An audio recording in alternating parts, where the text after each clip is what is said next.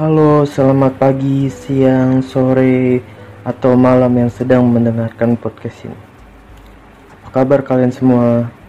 Saya Aziz Saputra, seperti biasa kita akan ngobrol santai hari ini. Namun yang spesial dari hari ini, kita akan membahas dengan tema yang berbeda. Hari ini kita akan membahas gaya hedonisme generasi milenial dan generasi Z berdasarkan perspektif konsumerisme. Sudah ada di depan saya dua orang teman ngobrol kita malam ini, Nur Wahyuni dan Silva Andriani. Gimana nih keadaannya? Sehat? Alhamdulillah sehat Jis. Hai, gue Nur Wahyuni ini. Alhamdulillah sehat-sehat aja sih. Alhamdulillah sehat ya kalian berdua. Oke, gimana kegiatannya sehari-hari kalian berdua? Pandemi COVID ini berpengaruh nggak sih di kegiatan kalian sehari-hari?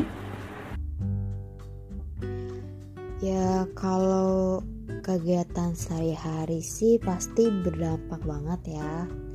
Apalagi dengan adanya COVID-19 ini kan kita harus beradaptasi dengan new normal dengan menerapkan 3M yaitu menjaga jarak, mencuci tangan, dan memakai masker. Dan juga untuk karyawan seperti gue pasti berdampak juga sama kerjaan yang mana harus beberapa kali mendapati WFH atau work from home atau kerja di rumah. Nah bener banget. Kita nggak sebebas tahun-tahun sebelum 2020 kan kita bisa ngobrol, hangout bareng dan ya bebas gitu. Ya nggak kayak sekarang ke mana-mana mesti pakai masker dan jaga jarak. Ya saya doakan semuanya baik-baik saja ya. Semoga covid cepat berlalu juga. Oh ya menurut kalian sendiri nih Apa sih yang menjadi perbedaan antara generasi milenial dan Z yang paling mendasar. Kita kan tahu tuh tren sekarang dikuasai oleh kedua generasi ini. Dari teknologi dan lain sebagainya. Gimana menurut kalian? Menurut gue sih beda banget ya Jis karena menurut salah satu penelitian yang gue baca yang dipublikasikan oleh salesforce.com bahwa generasi milenial ini sangat bersifat idealis sedangkan generasi Z itu lebih bersifat pragmatis yang mana generasi Z lebih berkeinginan semua hal itu bisa lebih praktis gitu simple cepat gitu instan. Generasi Z ini menginginkan segala sesuatu yang dikerjakan atau berharap ini tuh cepat tercapai gitu tanpa berpikir panjang dan tanpa melalui proses yang lama. Pernyataan ini berkaitan dengan periode kelahiran antara generasi milenial dan generasi Z Perbandingannya ya generasi milenial dibesarkan selama ekonomi booming, sedangkan generasi Z dilahirkan selama resesi terjadi. Oleh karena itu nih Jis, untuk para pembisnis nih ya, ketika mereka ingin mendapatkan perhatian dari para generasi Z dan milenial, mereka harus memiliki bisnis yang berfokus pada nilai jangka panjang dan investasi yang cerdas karena mereka tidak ingin resesi yang pernah terjadi pada orang tua mereka dahulu terjadi kembali pada mereka. Ya, itu sih menurut gue hal paling mendasar ya, yang menjadi pandangan perbedaan antara dua generasi ini. Kalau menurut Silpa sendiri nih, apa perbedaan yang paling mendasar di antara dua generasi ini? Menurut gue sih ya, yang paling terlihat jelas perbedaannya adalah gaya hidup dan pola pikirnya sih ya. Di mana anak-anak generasi Z ini lebih banyak suka tantangan daripada dia mengikuti alur yang sudah dibuat oleh sistem. mereka tuh sangat survive sama kehidupan mereka sendiri. Mereka nggak mau terbelunggu dengan sebuah sistem. Lihat banyak anak-anak muda yang sudah masuk ke dunia investasi dan semacamnya. Terlebih lagi gaya hidup anak-anak generasi Z ini sangat susah untuk dikontrol oleh orang tua mereka. Mereka juga cenderung memikirkan kenikmatan suatu produk yang menurut mereka bisa memberikan label fashion mereka fashionable Apakah peristiwa resesi ekonomi tahun 1998 itu berdampak terhadap pola pikir anak-anak di dunia generasi ini? Sedikit banyak pengaruhnya sih ya menurut gua karena anak-anak generasi Z akan menempatkan dirinya sebagai generasi yang memiliki kepedulian terhadap masa depan yang sangat tinggi. Mereka mulai menabung, mempelajari investasi investasi yaitu semua mereka lakukan sebagai bagian dari kehati-hatian menjamin masa depan agar terjamin. Di samping semua yang dikatakan Silpa benar sih, karena anak-anak generasi Z ini sangat tidak mau kejadian itu terulang kembali. Karena ketidakinginan mereka itu agar kejadian tersebut tidak terulang, mereka coba lebih banyak hal-hal baru yang memberikan impact positif bagi mereka sendiri, seperti berinvestasi atau menabung, contoh kecilnya gitu. Mereka melakukan itu semua sebagai bagian dari manajemen keuangan bagi kehidupan mereka sendiri. Lalu apa hal negatif yang menjangkit pada kedua generasi ini? Apakah pola hidup atau ada hal lainnya? Nah, dibalik semua yang berimpact positif ini, ada perilaku negatif yang dimiliki masing-masing kedua generasi ini, yaitu sifat hedonisme. Mereka cenderung lebih suka untuk memakai barang-barang dengan merek atau brand yang terkenal atau merek yang memang udah jelas kualitasnya terjamin gitu. Anak milenial ini masih membawa kebiasaan ini sampai sekarang. Ketika generasi milenial beranjak dewasa, mereka masih mempertahankan hal ini dengan rela bayar mahal demi sebuah brand atau produk yang punya nama brand besar di mana mereka akan e, mengutamakan kenyamanan pasti. Tapi dilihat juga nih mereknya dan mereka merasa bersikap perlu beli barang-barang yang mahal mereka pun punya sifat yang hedonisme. Nah ini yang dinamakan hedonisme. Mereka melakukan itu semua agar menjadi penunjang penampilan mereka sehari-hari. Jadi ya kenyamanan itu pasti tapi mereka ngelihat lagi nih mereknya gitu.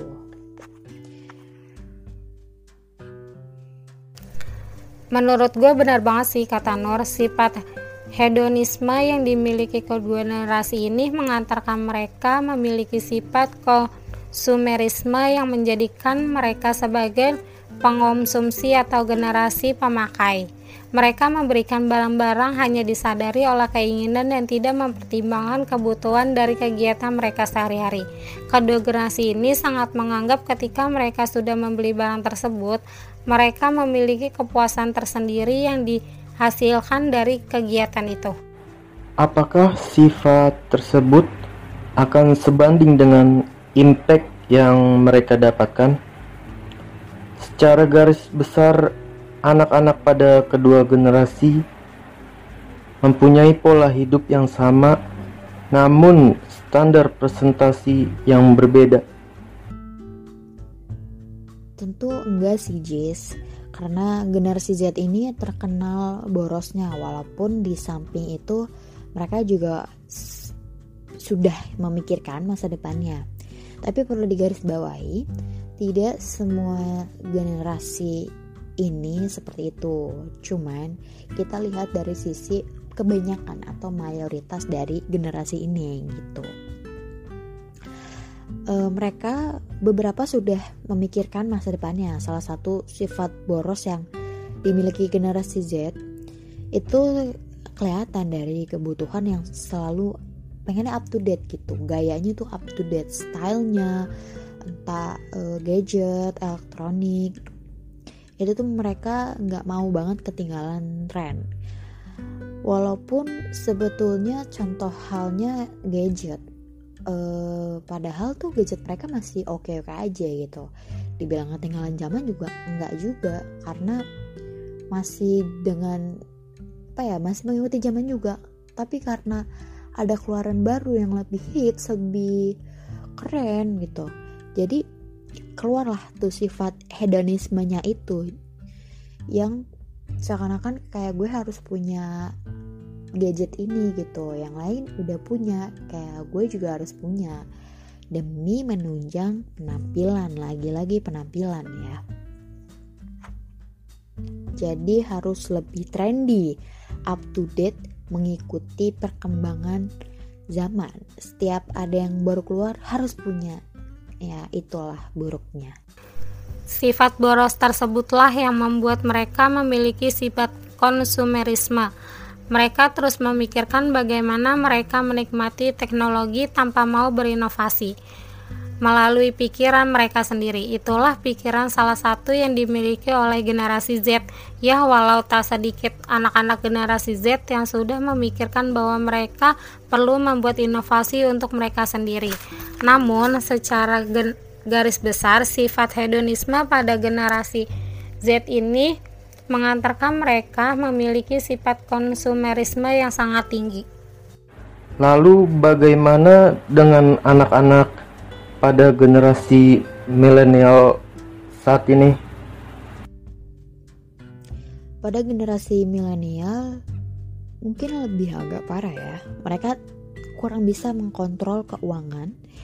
Mereka lebih bersifat kons konsumtif namun diiringi manajemen keuangan yang kurang baik. Bagi generasi milenial, menabung tidak hanya bertujuan untuk hal-hal besar, seperti yang dimaksud hal besar itu uh, untuk kehidupan yang akan datang gitu, seperti hunian atau kendaraan pribadi atau uh, yang bersifat religius itu di agama Islam umroh atau bahkan haji. Tapi juga untuk pembelanjaan yang bersifat konsumtif, seperti halnya beli tiket konser, traveling, atau eh, belanja belanja yang yang sebetulnya itu tidak terlalu penting gitu. Hal yang dibeli itu tidak terlalu penting tersier yang amat tersier gitu kan dan pada generasi milenial kebanyakan mereka masih menggunakan uang dari orang tua untuk membayar segala keperluan tersier tersebut. Yang mana menurut mereka salah satunya ya jalan pintasnya dari uang orang tua yang kita tahu itu sebetulnya tidak baik ya.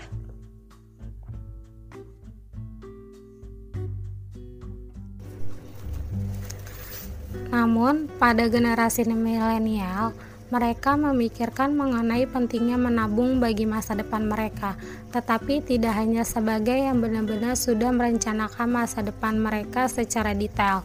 Sangatlah penting bagi kalangan milenial ini untuk dapat bertanggung jawab terhadap keuangan mereka sendiri. Menggunakan uang dilihat sebagai sesuatu yang familiar, tetapi tidak dengan pengaturannya, terutama untuk perencanaan jangka panjang. Kita tuh generasi milenial ini berbelanja tentunya juga harus cepat dan bisa langsung mendapatkan barang yang dimaksud. Hal ini membuat tubuh suburnya aplikasi mobile shopping baik dalam bentuk marketplace seperti Tokopedia, Bukalapak, Elevania maupun online retail shopping seperti Lazada dan Zalora. Generasi ini menjadi sangat bebas memilih dari begitu banyaknya pilihan. Tak heran bila mereka menjadi begitu pragmatis. Itu juga membuktikan bahwa Demand yang tercipta dari generasi milenial memacu kemajuan teknologi dengan makin bertumbuhnya berbagai mobil aplikasi yang ditunjukkan untuk memenuhi demand generasi milenial. Kalau sikap hedonisme yang mereka anut menyebabkan tingkat konsumerisme yang tinggi, apakah akan berdampak baik bagi negara? Tentu sangat berdampak bagi negara Sebut saja seperti perputaran ekonomi bagi UMKM di negara kita. Sikap konsumerisme yang dianut oleh generasi milenial dan Z ini memberikan efek positif yang sangat banyak bagi penambahan devisa ataupun perputaran ekonomi. Namun, efek tak kalah banyak yang ditimbulkan oleh sikap ini. Generasi muda muda kita akan menjadi generasi yang sulit untuk bertumbuh kembang dan memberikan inovasi bagi negara. Mereka akan cenderung memilih semua hal yang instan dan sempit walau dengan biaya yang mahal. Sikap hedonisme yang mereka anut menimbulkan sikap konsumtif yang begitu akut dengan hausnya mereka akan hal-hal baru yang akan mereka temui. Hal-hal baru tersebut biasanya berhubungan dengan penunjangan aktivitas mereka sehari-hari, agar mereka bisa terlihat sebagai individu yang selalu up to date. Iya, mereka akan terus mengoleksi barang-barang baru yang tidak berguna sama sekali dengan kegiatan mereka. Namun, mereka gunakan hanya sebagai penunjang penampilan yang mereka tunjukkan kepada orang lain sebagai penunjang bahwa mereka selalu up to date dan fashionable. Lalu, dipandang dari segi konsumerisme, sikap hedonisme yang mereka anut sebenarnya membantu perekonomian tidak. Walaupun kesannya uh, hedonisme ini berdampak negatif, cuman ada hal positif dari sikap hedonisme yang mereka anut, yaitu bagi perekonomian karena sikap hedonisme yang mereka anut itu pasti membantu perekonomian. Banyak produsen-produsen barang atau fashion yang selalu memberikan inovasi-inovasi yang modern dan menarik bagi kedua generasi ini yang bertujuan untuk yang tak lain dan tak bukan adalah untuk mengambil pasar dari dua generasi ini. Namun masalahnya apakah produk yang sebagian besar generasi Z dan milenial ini nikmati dan selalu mereka tunggu nih keluaran terbarunya apakah asli produk Indonesia? Kalau misalkan presentasenya hanya 30% dari 100%, berarti 70% barang atau hal yang mereka nantikan ini bukan buatan Indonesia.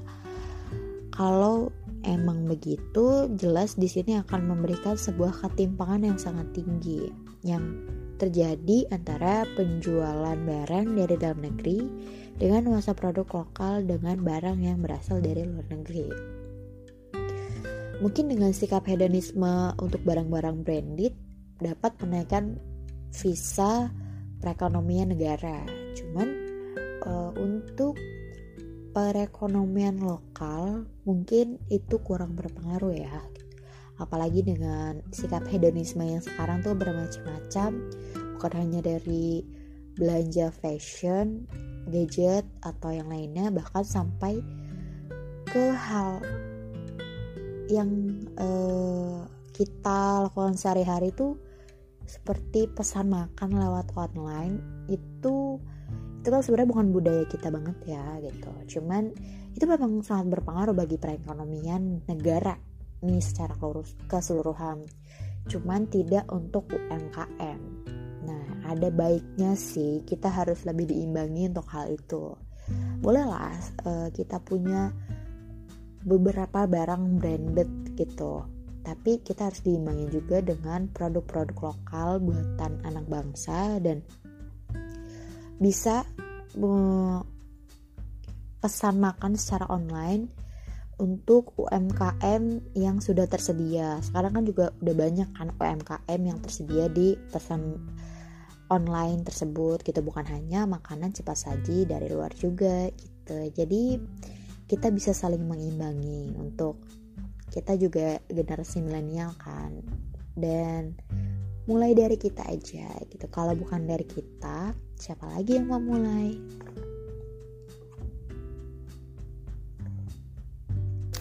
Selain yang disebut oleh No tadi, sikap konsumerisme memberikan efek yang positif apabila produk yang terjual di pasaran adalah produk Indonesia. Memberikan efek positif karena ekonomi UMKM itu berputar semua sendi ekonomi hancur karena COVID ini. Salah satu yang bisa menyebabkan perputaran ekonomi adalah sifat konsumerisme yang dianut oleh dua generasi ini. Andaikan sifat konsumerisme generasi Z dan milenial ini terjadi kepada produk-produk lokal bisa disimpulkan bahwa sikap hedonisme yang dipandang dari perspektif konsumerisme bisa menimbulkan impact yang begitu positif bagi perputaran ekonomi bagi UMKM di Indonesia apabila barang atau hal-hal yang menjadi objek hedonisme antara generasi Z dan milenial adalah produk-produk lokal mereka juga ikut andil membangun perekonomian dengan cara menghidupkan UMKM dan industri rumahan yang ada di Indonesia. Terima kasih Nur dan Silpa, sehat selalu ya dan sampai bertemu di ngobrol selanjutnya. Jaga kesehatan semoga Covid cepat berlalu. Untuk teman-teman, terima kasih sudah mendengarkan selalu pakai masker dan jangan lupa jaga kesehatan. Salam untuk keluarga. Sampai jumpa. Terima kasih Nur dan Silpa. Terima kasih juga buat Aziz dan Silpa. Salam beri luhur. Oke, sama-sama Jis. Apa itu hedonisme? Hedonisme adalah suatu pandangan hidup yang menganggap bahwa kesenangan dan kenikmatan materi adalah tujuan utama hidup. Hedonisme ini terjadi karena adanya perubahan perilaku pada masyarakat yang hanya menghendaki kesenangan. Perilaku tersebut lama-kelamaan mengakar dalam kehidupan masyarakat termasuk para remaja yang pada akhirnya menjadi seperti sebuah budaya bagi mereka tingkat pengetahuan dan pendidikan. Juga sangat berpengaruh pada pembentukan sikap mental para remaja. Tapi sayangnya, kadang semua hal itu terkalahkan dengan rendahnya cara berpikir mereka dalam menyikapi berbagai persoalan. Banyak di antara para remaja yang melarikan diri dari masalah dengan berhura-hura. Nah, kebiasaan seperti ini yang kemudian menjadi kebudayaan di kalangan remaja ya. Adapun beberapa dampak negatif budaya hedonisme yaitu pergaulan bebas, seks bebas, clubbing, dan pesta narkoba. Individualisme materialistik, tidak bertanggung jawab, pemalas, tidak disiplin, korupsi, plagiat, dan diskriminasi. Untuk mengantisipasi dampak negatif budaya hedonisme bagi remaja milenial dan juga Z, maka perlu untuk melakukan cara atau solusi yaitu dengan cara menerapkan pola hidup sederhana dan juga salah satunya adalah pilihan alternatif untuk membasmi uh, budaya hedonisme di kalangan generasi milenial dan juga Z. Pola hidup sederhana di kegiatan sehari-hari diperlukan untuk mengatur uh, keuangan agar pendapatan yang biasanya berasal dari orang tua tidaklah kecil daripada pengeluaran bahan produksi. Pengeluaran bahan produksi di sini maksudnya adalah modal yang berbentuk material maupun non material. Bahan material yaitu seperti uang, sedangkan bahan produksi yang non material itu berupa ya selain uang seperti tenaga dan alat transportasi gitu. Lalu bagaimanakah cara kita mengontrol bahan produksi tersebut dalam kehidupan kita sehari-hari dalam masyarakat kampus maupun masyarakat di luar kehidupan kampus? Jawabannya ada pada paradigma berpikir pada kalangan milenial milenial milenial generasi Z itu ya itu sendiri. Di sinilah praktek nyata dari acuan berpikir seorang remaja itu dalam mengontrol segala yang menjadi prioritas utamanya. Maka secara tidak langsung sifat hedonisme ini dapat dicegah oleh kalangan dengan mengontrol dan memikirkan secara logis tentang segala resiko yang akan diambil nantinya.